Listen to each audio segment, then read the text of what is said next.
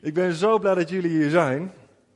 En ik hoop dat je vandaag echt wat kan leren over wat Jezus voor ons gedaan heeft. Alle nummers gingen al ook over ehm, het wonder van het kruis. En misschien zit je en denk je van ja, wat is dat met dat wonder van het kruis? En wat is dat met het bloed van Jezus?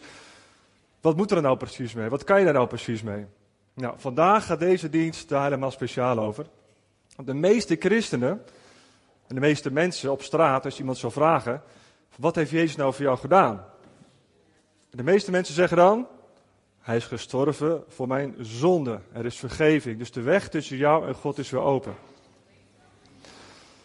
Maar er zijn nog zoveel meer dingen die Jezus voor ons heeft gedaan. En als je dat niet weet, dan mis je gewoon ontzettend belangrijk, belangrijke tools in je leven om meer impact te kunnen hebben in je eigen leven, om vrijer te worden en ook meer om te kunnen uitdelen. Nou, en eigenlijk, uh, dit komt van Wilke van der Kamp, zijn er dus zeven dingen die Jezus heeft bereikt met zijn dood, met zijn lijden aan het kruis. Nou, wie kent de zeven wonderen? Wie is daarmee bekend eigenlijk? Oh, nou, er valt een hoop te leren vandaag hier. Daar ben ik hartstikke blij mee. Nou, Jezus heeft dus zeven keer gebloed. En elke keer dat hij gebloed heeft, heeft hij iets voor ons bereikt. Nou, dat is geen nieuw evangelie of iets nieuw magisch, de zeven wonderen. Het staat al eeuwenlang in de Bijbel, alleen de kerk is het een beetje kwijtgeraakt in de afgelopen eeuwen. En eigenlijk kun je zeggen, het is er altijd wel in delen geweest, maar nu is het zover uh, dat eigenlijk dat de kerk gezegd heeft van oké, dit zijn de zeven dingen die Jezus voor ons gedaan heeft. En het is super fijn als je dat weet. Nou, de eerste. Doet hij het? Even kijken.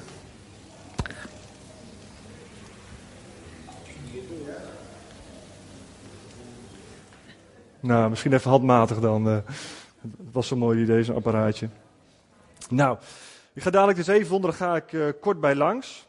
Um, maar we gaan met name vandaag spreken over vrij van schuld en aanklacht. En met name schuldgevoel en aanklacht. Want God is een God van liefde, genade en vergeving. En schuldgevoel hoort daar niet bij. En als je dat hebt, of als je valse aanklacht hebt gehad in je leven, of over jezelf, of door de vijand, dan kan het enorm destructief zijn voor jezelf. En daar gaat het over hebben. Eerst even over Jezus. Wie is Jezus nou? Nou, Jezus is eigenlijk, is God en was God. Hij was in de hemel, hij is een deel van God en hij kwam naar de aarde in een mens, in een babytje. Er is een goddelijke bevruchting geweest. Hè? Dus Maria is niet met een mens naar bed geweest, met Jozef of een andere man. De Heilige Geest heeft een wonder gedaan in Maria. Dus de geest van God is in dat babytje gekomen, in dat eicelletje. Dus Jezus was gewoon net een mens zoals ik, zoals jij. En hij is ongeveer 33 jaar op aarde rondgelopen om uiteindelijk geofferd te worden voor ons. Nou, dat doet hij natuurlijk niet zomaar, dat doet hij met een reden. Um, Jezus was de perfecte mens, zonder zonde, toch mens en echt God. Hij deed de hele dag door, deed die wonderen en hij kon alles. Klopt dat? Kon Jezus alles? Wie zegt ja? Wie zegt ja? Wie zegt nee, hij kon niet alles? Ja, wat is het nou? Een beetje 50-50, hè? Dus als Jezus ergens liep, dacht nou, dan ga ik die eens even genezen, ga ik die eens even genezen, ga die eens even genezen. Vandaag voel ik me goed, ik heb goed geslapen en nou ga ik hem genezen. Klopt dat? Hoe zat dat dan?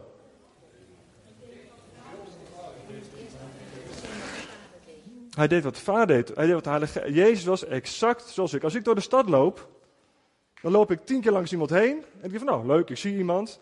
En de elfde keer zegt de Heilige Geest, en nou wil ik dat je voor me gaat bidden. Jezus loopt door de, door de straten heen, loopt misschien wel twintig jaar lang langs dezelfde bedelaar, langs dezelfde blinde. Elke dag zegt hij goedemorgen en op een gegeven moment zegt de Heilige Geest, en nou mag je hem gaan genezen. En nou dit, en nou dat. En dat werkt precies zoals bij jou. Jezus is in dat opzicht, was hij net zo beperkt of net zo machtig als wij dat zijn. Ik kan uit mezelf geen enkel wonder doen. Jij ook niet, weet ik zeker. Maar door mij heen en door jullie heen kan God enorm veel wonderen doen. Alleen je moet het leren God te verstaan. In 90% van de gevallen dat God tegen mij gesproken heeft, ging dat over een ander. God heeft een paar keer heel duidelijk tegen mij gesproken, over mijn leven. Maar 90% van de keren sprak hij door mij voor een ander. En zo werkt God. Hij spreekt bijna altijd door een ander heen. Of door jou heen voor een ander. Nou, God kan spreken met een externe stem. Van ik wil dat je dat wat gaat doen. Hij kan spreken met een gedachte. Hij kan spreken met plaatjes, dromen, visioenen. Door anderen heen, zelfs door een ezel heen hebben we in de Bijbel gezien. En we gaan even een uh, kleine oefening doen. Om te leren hoe God eigenlijk tot jou kan spreken. En hoe de vijand tot jou kan spreken. Want de vijand zit op datzelfde level in je gedachten. En misschien heb je wel gedachten van aanklachten, van schuld, die je al jaren bij je hebt. Want het voelt als je eigen gedachten. Snap je dat? Het kunnen gedachten zijn van de vijand. Dus we gaan even een, uh, een oefeningetje doen. Ja, doen jullie mee? Nou, doe maar even je ogen allemaal dicht. Ja? Even ogen allemaal dicht zo. En gaan we eens even denken aan een hele grote toren. Een enorme hoge toren. Zie je die voor je? Ja? En aan die toren zit aan de linkerkant hangt een Nederlandse vlag. Zie je die vlag hangen aan de linkerkant van die toren? En aan de rechterkant hangt de vlag van Zutphen. En aan de voorkant van die toren, daar hangt iets geks. Dat is niet een normale klok, een ronde klok, maar dat is een digitale klok. Zie je hem lopen? Ja? En onderaan de kerk, onder die kerktoren, staat een blauwe auto, een gele en een rode auto. Zie je dat voor je? Oké, goed. Einde oefening. Ja? Voor de beelddenkers onder ons is dit heel makkelijk. je visualiseert iets en je ziet van alles voor je. Maar op dat level, dat je dus nou dingen in je gedachten haalt, op dat niveau kan God jou dingen laten zien. Dat niveau is ook je geweten. Je ziet dingen voor je die jou aangedaan zijn, of die jij zelf hebt uitgespookt. Als jouw onrecht is aangedaan, als je mishandeld bent, misbruikt bent, dan staat dat vast in je gedachten. Ja? Daar gaan straks nog even over hebben. Nou, hou dat vast. Meestal, als God op die manier spreekt, dan laat hij een plaatje zien, een gedachte, een woord. En waar komt het nou vandaan? Dan moet je dus in getraind worden dat dat God is die kan spreken. Of de vijand. Ja? En die zeggen hele andere dingen. Nou, nog een keer proberen. Ja. Goed. Jezus heeft zeven keer voor ons gebloed. Eerste wonder. Het wonder van vergeving. Mensen, wat een machtig wapen heeft God ons daarmee gegeven. Ongelooflijk. Drie vormen van vergeving. De eerste is vergeving tussen jou en God. Als jij iets misdaan hebt, als je gestolen hebt, als je iets anders gedaan hebt, dan ga je vergeving vragen aan God. Als je al met God leeft, dan is die vergeving om de relatie schoon te houden. Je vraagt geen vergeving om behouden te worden. Dat is een verschil. Ik ben met God, ik ben met Jezus. Als ik iets doe, dan voel, dan voel ik dat tussen mij en God instaan. Als jij iets anders, iemand anders iets aandoet, dan staat dat tussen jou en die ander in. Als het goed is, is dan jouw vriendschap niet voorbij, maar je voelt en staat iets tussen ons in. En dan ga je vergeving vragen en is dat weg. En zo werkt het voor de kinderen van God. Je vraagt vergeving om de relatie open te houden. De tweede vorm is een ander vergeven. En daar zit een enorme sleutel. Ongelooflijk, wat een machtige sleutel is dat. De meeste van ons hier is wel, ben ik zeker, is onrecht aangedaan. De ene zegt, nou, ik kan ermee leven. Maar er zijn ook mensen die heel zwaar onrecht is aangedaan. Je bent misschien geslagen, mishandeld. Er is je van alles over je gezegd. En dan zegt, Jezus zegt dan, vergeef die ander. Dat is raar. Waarom moet je nou die ander vergeven? Kijk eens wat mij aangedaan is. Kijk eens wat mij is aangedaan. Kijk eens wat voor een ellende in mijn leven dat gebracht heeft. Wat mij is aangedaan. Je hebt er totaal geen schuld aan. Misschien was je nog klein. Misschien is anders. Maar er is jouw onrecht aangedaan. Maar God zegt, vergeef hem. Of haar. Waarom? Om jou vrij te zetten. Afgelopen week heb ik een gesprek gehad met een, met een, uh, met een vrouw. Die heeft 32 jaar lang heeft ze ontzettende bitterheid en woede in haar gehad. Ze hield het vast. Haar hele lichaam was kapot. Haar darmen, haar lichaam, alles. Ze is aan de alcohol geraakt. Haar leven ligt in puin eigenlijk. En dat komt omdat ze gewoon die boosheid, die bitterheid vasthield. Ze kon het niet loslaten. Terwijl je elke week in de kerk zit en je hoort je moet vergeven. Maar bij heel veel mensen denken bij vergeven, ja, dan gaat die ander vrij uit. He, zand erover, er mag geen boosheid meer zijn. Maar dat is geen vergeven. Vergeven is, je laat die ander los. Je zegt, vader, er is mij onrecht aangedaan. Ik erken het onrecht in mijn leven. En je zegt, vader, u heeft het gezien. Ik geef die, dat onrecht geef ik aan u. En u gaat er maar mee dealen. En ik laat die ander los. Het woord dat Jezus vaak gebruikt in de evangelie als het over vergeven gaat, is loslaten. Dus geen zand erover, ik mag geen last meer hebben. Nee, dan begint pas de genezing. Als jij in staat bent te vergeven, gaat je hart open, kan die rotzooi eruit, laat je het gif van bitterheid los. En dan kan er genezing gaan komen en misschien verzoening, hopelijk. Maar dat ligt aan die ander. Vergeving ligt niet aan die ander, vergeven ligt aan jou. Als jij met boosheid, bitterheid, teleurstellingen, wat dan ook zit, vergeef hem nu. Je moet er geen enkele minuut, seconde langer bij doorlopen. Jezus zegt, je moet vergeven, omdat jij het slachtoffer daarvan wordt. Als je vasthoudt. Snap je dat? Ja? Nou, er valt nog een hele preek over te houden, moet even door, ik heb nog zeven dingen. Dus de eerste is, vergeven tussen jou en God. De tweede is een ander vergeven. En de derde is, vergeef jezelf. Lieve mensen, als je een schuldgevoel hebt, als je dingen hebt gedaan die niet goed zijn, iedereen kent ze, vergeef alsjeblieft jezelf. Ja? Ik heb dingen gedaan die niet goed waren, jij hebt dat ook gedaan. Maar als je daardoor aangeklaagd wordt, als je een schuldgevoel krijgt, is niet van God. Is van de vijand. Een schuldgevoel is nooit van God. Dus als je rot ergens over voelt, dat kan. Je kan dingen verpest hebben in je leven, dat kan. En misschien ben je wel in zo'n situatie. Dat je dingen totaal verkeerd hebt aangepakt. Dat is dan zo. En dan moet je gaan oplossen en mee dealen. Maar dat schuldgevoel, dat hoort er niet bij. Dan mag je zeggen, ik heb iets verkeerd gedaan. Ik vergeef mijzelf. Het schuldgevoel moet weg. Gaan we dadelijk uitgebreid terugkomen. Even kijken. Dat zijn dus de drie vormen van vergeving. Jezelf vergeven, een ander vergeven en vergeving vragen. Nou, deze het zo over hebben. Verlossing van aanklachten. Komen we zo op terug. Uitgebreid. Het wonder van reiniging van je geweten. Wie kent dat wonder? Reiniging van je geweten. Nou, dat zijn er drie. Vier? Oh, vijf. Oké. Oh, ook zo'n fantastisch wonder. Als jouw dingen zijn aangedaan in je leven.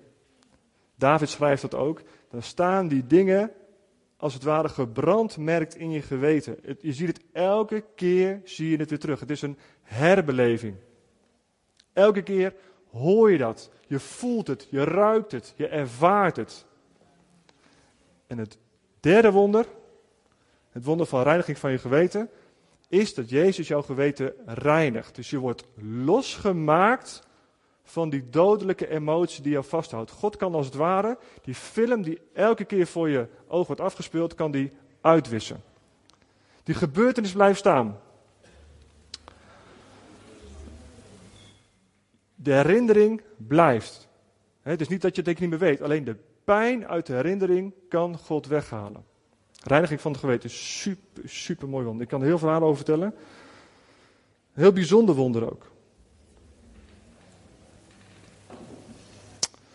Nou, hoe werkt een geweten? Het Griekse woord voor geweten is synaidesis. Synaidesis. Dat betekent samen weten. Dus je weet iets samen met God.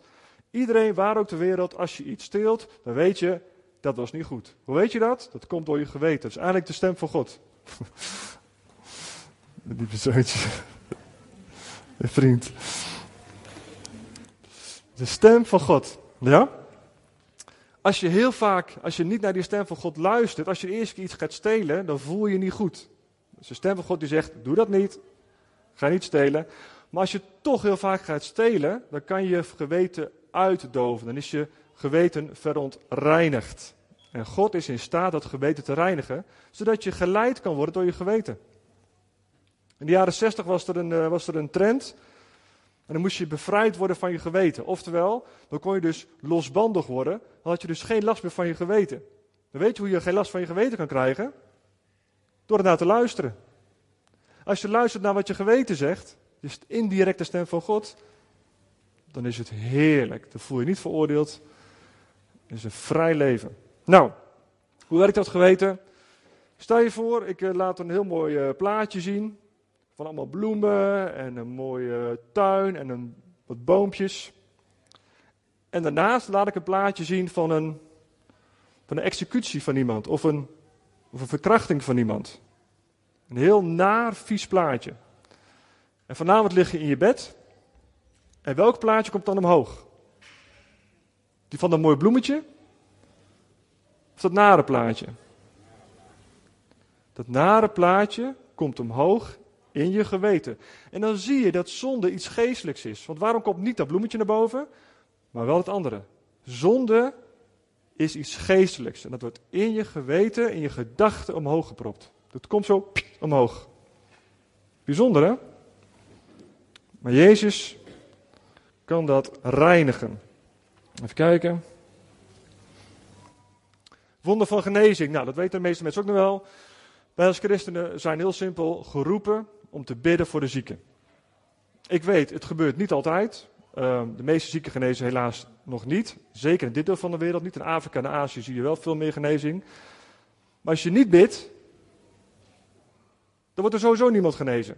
Ja? Dus onze opdracht is, bid voor genezing en ga voor genezing en we zullen zien wat God gaat doen. En er valt dan heel veel over te vertellen, maar eigenlijk gewoon heel simpel. Is iemand ziek? Bid ervoor. Klaar.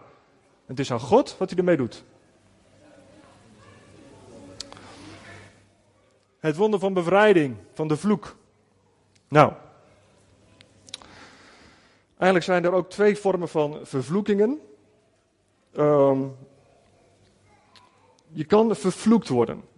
Sommige mensen hebben bijvoorbeeld een, een uitspraak, die zeggen dan uh, als, als stopwoordje, ja, val dood, weet je wel. Ja, kan mij de schelen, val dood. Nou, dat is een uitspraak. Ik zou het niet gebruiken, sommige mensen zeggen dat.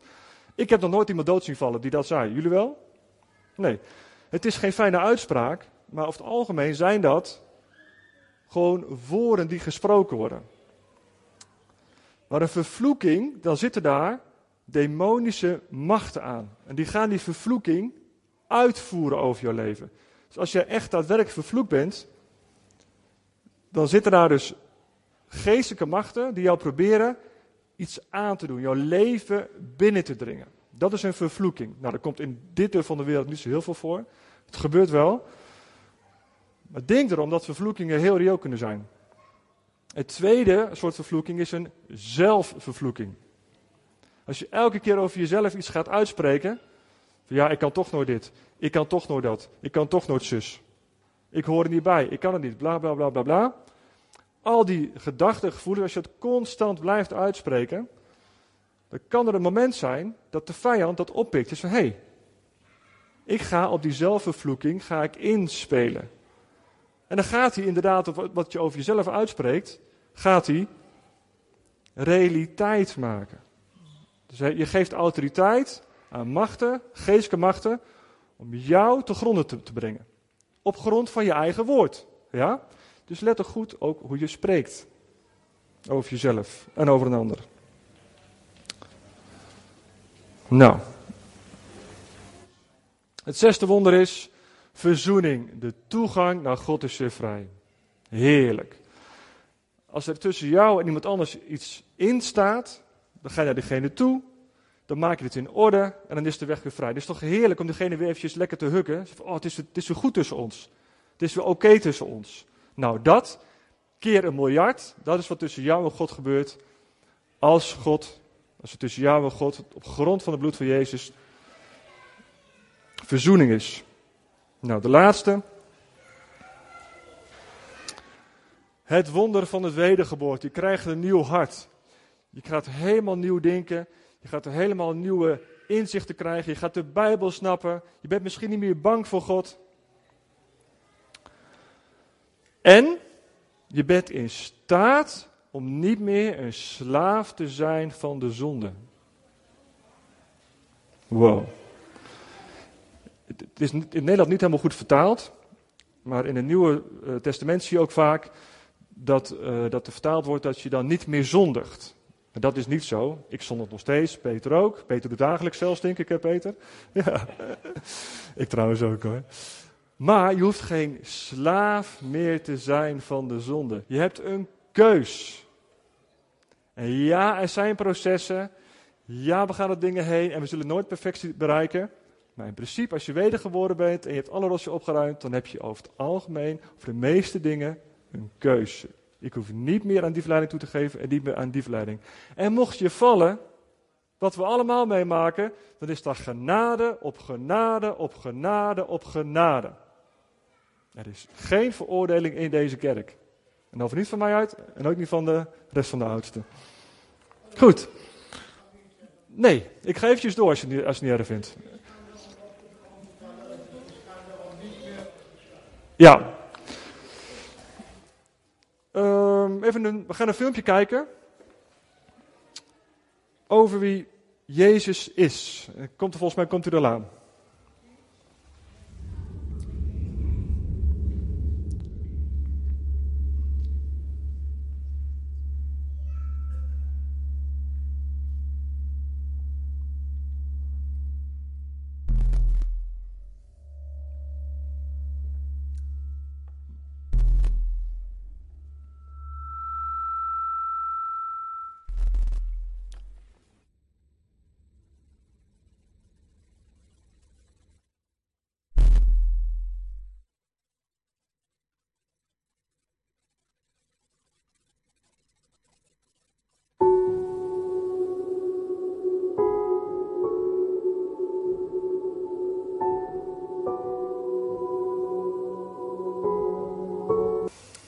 Nou, heerlijk filmpje, vind je niet?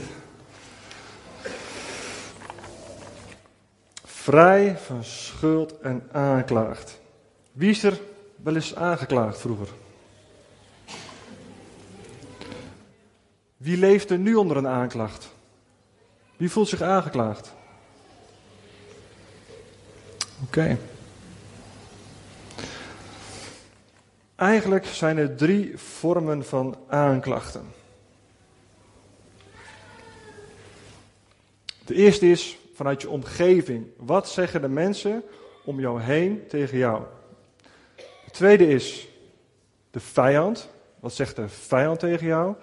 En de derde is, wat geloof je zelf? Wat zijn de aanklachten die je over jezelf uitspreekt? Nou, als jij van jongs af aan al te horen hebt gekregen, je voldoet niet, je hoort er niet bij, je kan het niet, je bent niet gewenst, je was een foutje, je bent niet zo knap als je broer of je zus, of vul maar in. Wat doet dat met jou als persoon? Wat gebeurt er als je dat soort woorden je hele leven lang hoort?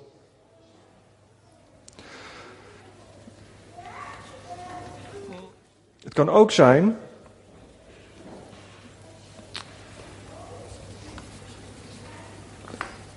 Nee, de omgeving.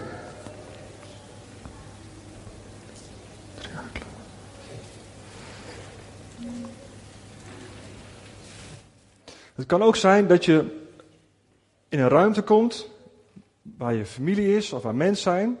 En dat je geen woorden hoort, niemand die iets lelijks tegen jou zegt, maar dat je voelt dat je denkt te voelen, ik ben hier niet welkom. Ik ben hier niet op mijn plek. Ik hoor hier niet. Dat zijn valse, smerige leugens uit je omgeving. Dat is niet van God. God is een God die zegt, je bent welkom, kom bij mij. Als je jarenlang aanklacht hebt gehoord van jongs af misschien al, als kleinkind, wat doet dat met jou als persoon? Wat gaat er gebeuren in jouw hart als je hoort, je voldoet niet? Kijk eens hoe knap jouw broers en zussen zijn. Kijk eens hoe, hoe slim de buurman is. Kijk eens hoe goed dit, hoe, hoe, hoe dat. Valse aanklachten uit je omgeving kunnen een leven kapot maken. Schuld en schaamte. De derde is de vijand. We hebben een levende God, amen. We hebben engelen en we hebben helaas gevallen engelen. Nou, noem het zoals je wilt. Demonen, boze geesten, Satan, Lucifer of aanklager wordt hij genoemd. Aanklager van onze broeders en zusters. Wie zijn dat? zijn wij. De vijand is een aanklager die niks anders doet dan je aanklagen. En dat verluistert hij heel zachtjes in jouw gedachten. Denk aan, dat, aan die oefening die we net gedaan hebben. Je zag waarschijnlijk een soort van toren voor, je zag iets voor je gebeuren. Maar op dat niveau kan er ook een gedachte in je terechtkomen. Een tijdje terug lag ik een beetje te mokken thuis. Ik was een beetje boos op God. Ik zag allemaal mensen die allemaal in hun bestemming kwamen. En ik bleef een beetje achter. Kijk wat ik allemaal doe. Kijk wat ik voor u gedaan heb. En, en ik, ik kom maar niet vooruit. Zo voelde dat voor mij. En in één keer kwam er een gedachte in mijn hoofd. Een hele duidelijke gedachte. Weet je wat die gedachte zei? Wat heeft God voor jou gedaan? Wat heeft God voor jou gedaan? Die gedachte is zo subtiel, is zo smerig, maar hij lijkt alsof die van jou is. Maar ik ken de geestelijke wereld. Ik ken de geestelijke wereld. Ik hoop dat jij de geestelijke wereld ook kent. Maar toch, hè, ik ging denken van ja, ja, wat heeft God eigenlijk voor mij gedaan? Waarom zou ik mij nog zo inspannen voor hem? Wat heeft hij voor mij gedaan? Maar toen ik een beetje uit mijn negatieve bui terecht was, dacht van ja, natuurlijk niet, weet je wel. Ik heb die gedachten weggestuurd en verbroken. Maar als je dat soort gedachten gaat oppikken, dan worden de gedachten van de vijand worden jouw gedachten. En dat is het laatste wat je moet hebben in je leven. Je moet gedachten van God in jouw leven hebben. Gedachten van liefde, van gewenst, aanvaarding, acceptatie, je hoort erbij. God heeft alles voor je over gehad. En die gedachte van de vijand, daar hoeven we niks mee. Uh, begin dit jaar, of eind vorig jaar, was er een heel jong meisje in het nieuws. En uh, die zat al een leven lang van, uh, van psychiatrie had ze achter de rug. En toen ze 17 was, toen wilde ze een eind aan haar leven maken. Ze wilde euthanasie plegen. Nou, um, de achtergrond van dat meisje ken ik niet. Maar wat, wat wel bij is gebleven, is dat meisje die, uh, die had allemaal zorg van de ouders, zorg van de familie, zorg van de instellingen. En op een gegeven moment kreeg ze een gedachte in haar. En die gedachte zei: Je kan er maar beter niet meer zijn. Je kan er maar beter niet meer zijn. En zij dacht van ja, wat een uh, goede gedachte. Ik ben iedereen tot last. Uh, ben mijn ouders tot last, mijn familie tot last. Ik kost de maatschappij alleen maar geld. Ik kan er inderdaad maar niet meer beter, maar niet meer zijn. En zo gezegd, zo gedaan. Ze heeft euthanasie gepleegd op grond van de gedachte van de vijand. Een vijand is iemand of iets die jou kapot wil maken. Dus het is heel belangrijk dat je die gedachte van de vijand leert kennen. Ja? Zo zat ik uh, radio te luisteren vorig jaar. Ik luister heel veel radio en ik volg heel veel nieuws. En er zat een man die zat te vertellen van, uh, ja, ik was, uh, ik was een tijdje depressief en ik voelde me niet lekker, ik zag het niet zo zitten. En wat gebeurde er? Ineens zag hij een strop in zijn gedachten. Weet je, als zo'n gallig, zo'n strop zag hij voor zijn, in zijn gedachten. Een plaatje kreeg hij. Hetzelfde plaatje als wij net in het begin van de dienst hebben gedaan met die oefening. En hij dacht van, goh, ja, ja, best wel een goed idee eigenlijk. Zo'n strop. Ik kan misschien wel gaan ophangen. Hij heeft het niet gedaan, gelukkig. Maar snap je hoe dat werkt? De vijand, die beschuldigt jou en die klaagt jou aan en die zet dingen in jouw leven, dingen in jouw gedachten, volgens zijn plannen. Maar we moeten Gods plannen doen.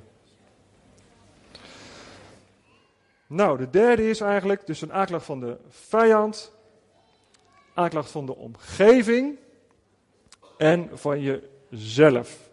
Nou.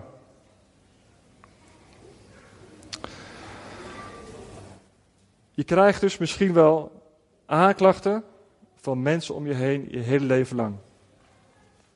Daarbij krijg je nog de aanklachten van de vijand, die jou probeert te laten leven volgens zijn agenda. Vergis je niet, het is een actieve vijand. Die zoekt om jou kapot te maken. En dan heb je ook nog met jezelf te maken. Je voelt je misschien niet zo lekker, je voelt je niet zo blij en je bent zijn leugens gaan geloven. Je bent zijn leugens gaan geloven. Dus jij wordt klein gehouden. Je wordt van je plek gehouden. God heeft voor jou een unieke plek in dit leven. Hij heeft jou bedoeld om als kind van God, om als zijn geliefde, gewenste, geaccepteerde zoon en dochter het leven te gaan. Hij wil niks anders dan dat jij leeft voor hem. En niet als een grijze muis door het leven gaat. Maar als je die gedachte gaat overnemen, die woorden gaat overnemen, dan is daar gelukkig redding. Door het bloed van Jezus moet de aanklager die jou aanklaagt, die jou leugens verspreidt, moet zijn grote klep dicht houden tegen jou. Amen. Was een meisje die. Uh, ik, ik, werk op een Bijbelschool. En uh, er zat een meisje en die was als jong meisje was. Uh, hield ze van zingen. Ze zong altijd. Ze had hele grote audities gedaan. Ze, zat al best wel in de lift om een carrière als zangeres te gaan, uh, te gaan krijgen. En uh, in de kerk zong ze heel, heel mooi mee. Ze was een heel mooi ook, lief, onbevangen meisje. Die vol stond, die ging in waar God daarvoor geroepen had. De hele dag door zong ze. Was zo blij. Zingen hier, zingen daar, audities in de kerk, thuis. En op een dag zei haar vader dat hij het maar kattengejank vond. Dat kan. Zo'n opmerking kan soms gebeuren in een bui dat je misschien niet zo blij bent. Maar dat had een enorme impact op haar. Haar hele emoties, die werden helemaal vergiftigd door het woord dat het kattengejank was. En de vijand die zag dat. Die zag wat het woord van de vader met het meisje deed.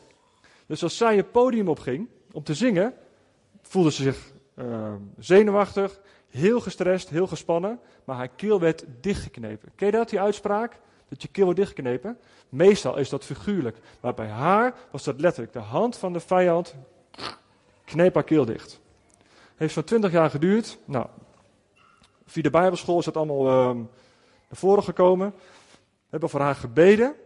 En de laatste avonden van de, van de Bijbelschool heeft ze meegezongen in het team van, het, van de Bijbelschool Band, zeg maar. En, en zo zie je dat de vijand weet precies wat jouw kwaliteit, jouw sterke kanten zijn. En altijd, of vrijwel altijd, zijn de pijlen van de vijand gericht op jouw bestemming. Of om jou gewoon in zijn algemeenheid kapot te maken, maar vaak op je bestemming. Je kan misschien niet voorstellen, maar voor een paar jaar geleden, als ik naar voren moest komen in de dienst, dan verstopte ik mij. Als ik wist, ik word naar voren geroepen, was toch geen Isedoorn, dan, uh, ik, ik deed heel veel organiseren, heel veel regelen. En ik wist, ze gaan me zo naar voren roepen om even te bedanken. Van, hé hey Willem, dankjewel. Dan verstopte ik mij op de wc. Serieus. Ik ging op de wc zitten. Ik ging luisteren hoe ze, Willem, Willem, waar ben je? Willem, kom naar voren, we willen je even bedanken. Ik zat op de wc. Ik zat te wachten tot het moment voorbij kwam, voorbij was. Dan ging ik weer terug de zaal in. Tot mijn roeping is hier. Maar door mijn omstandigheden van mijn jeugd en andere dingen die gebeurd waren, werd ik klein gehouden en naar achter geduwd. Maar God heeft mij niet geroepen om naar achter te gaan. God heeft mij geroepen om naar voren te gaan. En zo zie je hoe God kan werken.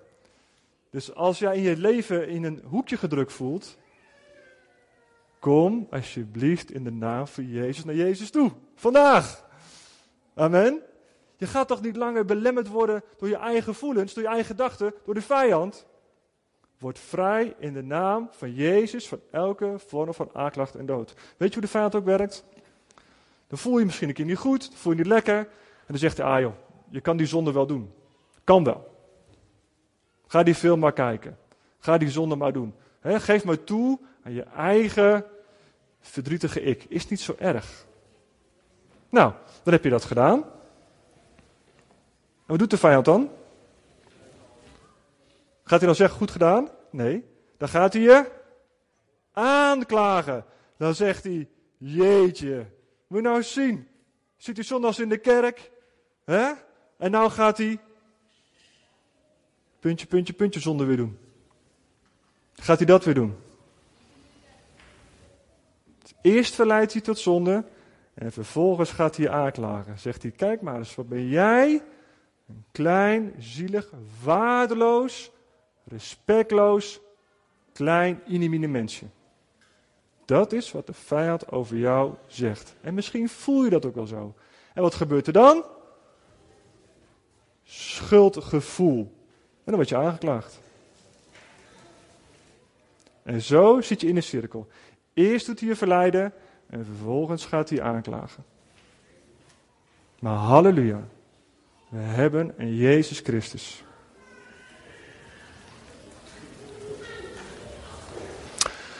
Door het wonder van het kruis heeft Jezus jou verlost uit de macht van de aanklager. Er is geen enkele reden meer waarom jij nog langer met schuld of schuldgevoel zou moeten rondlopen. Als je daar last van hebt, kom alsjeblieft straks naar voren of maak het op je plek in orde. Blijf geen seconde langer met schuldgevoelens zitten.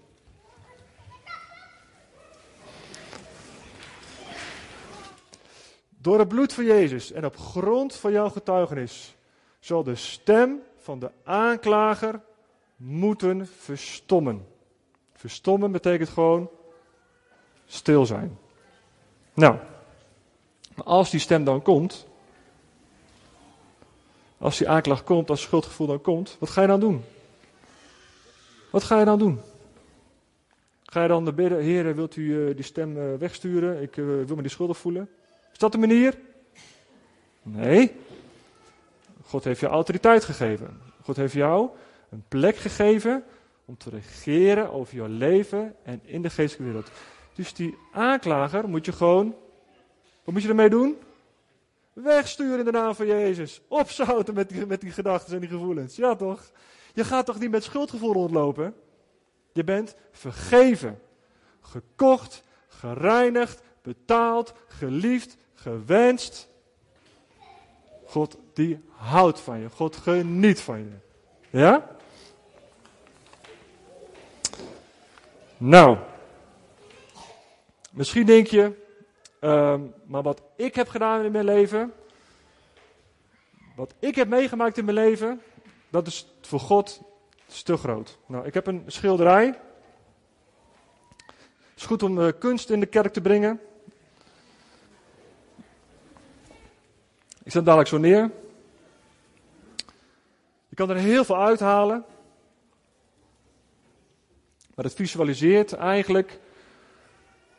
Het bloed van Jezus heeft de weg voor ons vrijgemaakt. Dat is het, is het gordijn in de tempel. De oude tempel moesten dus offers gebracht worden. Dieren moest geslacht worden. Het voorhangsel.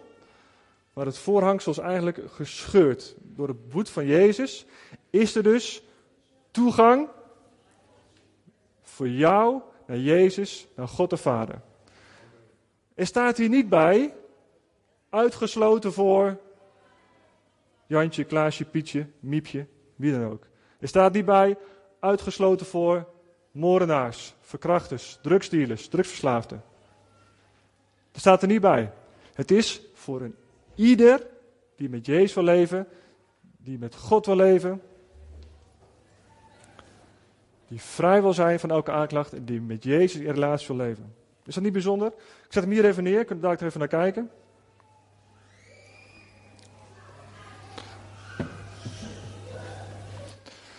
Ja, zeg je, misschien uh, val ik nog uh, regelmatig in zonde. Ik doe allemaal dingen die niet goed zijn.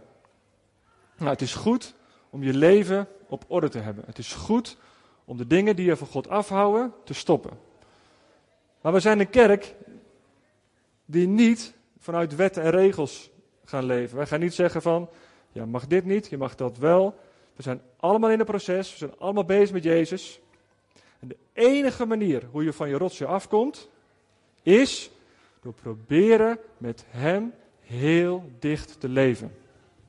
En dan wil je die rotzooi niet meer. Als je getrouwd bent en je weet dat je vrouw een hekel heeft aan dat je met vieze schoenen de kamer in komt. Dan trek je toch gewoon je vieze schoenen uit. Dan ga je toch niet elke keer je vrouw belasten met vieze schoenen. Dat trek je zo gewoon uit. Dus zo is met leven, leven Jezus ook. Als je met Jezus leeft, dan ga je de dingen die niet goed zijn, niet meer doen. Vanzelf. Niet omdat het moet. Dat gaat vanzelf. Gevuld door liefde, gevuld door relatie, ga je dingen loslaten. En als je ergens aan vastzit, dan is er genade, genade, genade en nogmaals genade.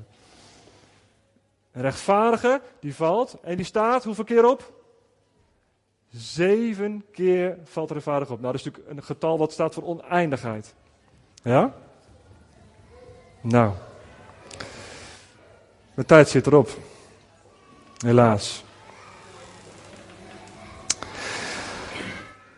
Mijn boodschap, kort samengevat, blijf niet langer met de rotzooi rondlopen die je hebt meegemaakt in je leven. Heb je te maken met schuld, met aanklacht, depressie, doodsgedachten, leugens in je leven?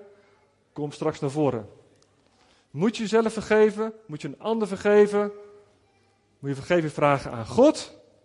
Kom alsjeblieft naar voren en blijf er geen minuut langer mee rondlopen. Het is een kwelling voor jezelf. Als je hebt gezondigd voor de zoveelste keer, dan is er genade. Want God is liefde. Ja? Nou, Daphne. Ik denk dat we nog een uh, lied gaan zingen zo. De wonder van, dat, uh, van het kruis. Ga je die zingen? Bij het kruis, bij het kruis. Ja? Oh, dat is ook mooi, ja.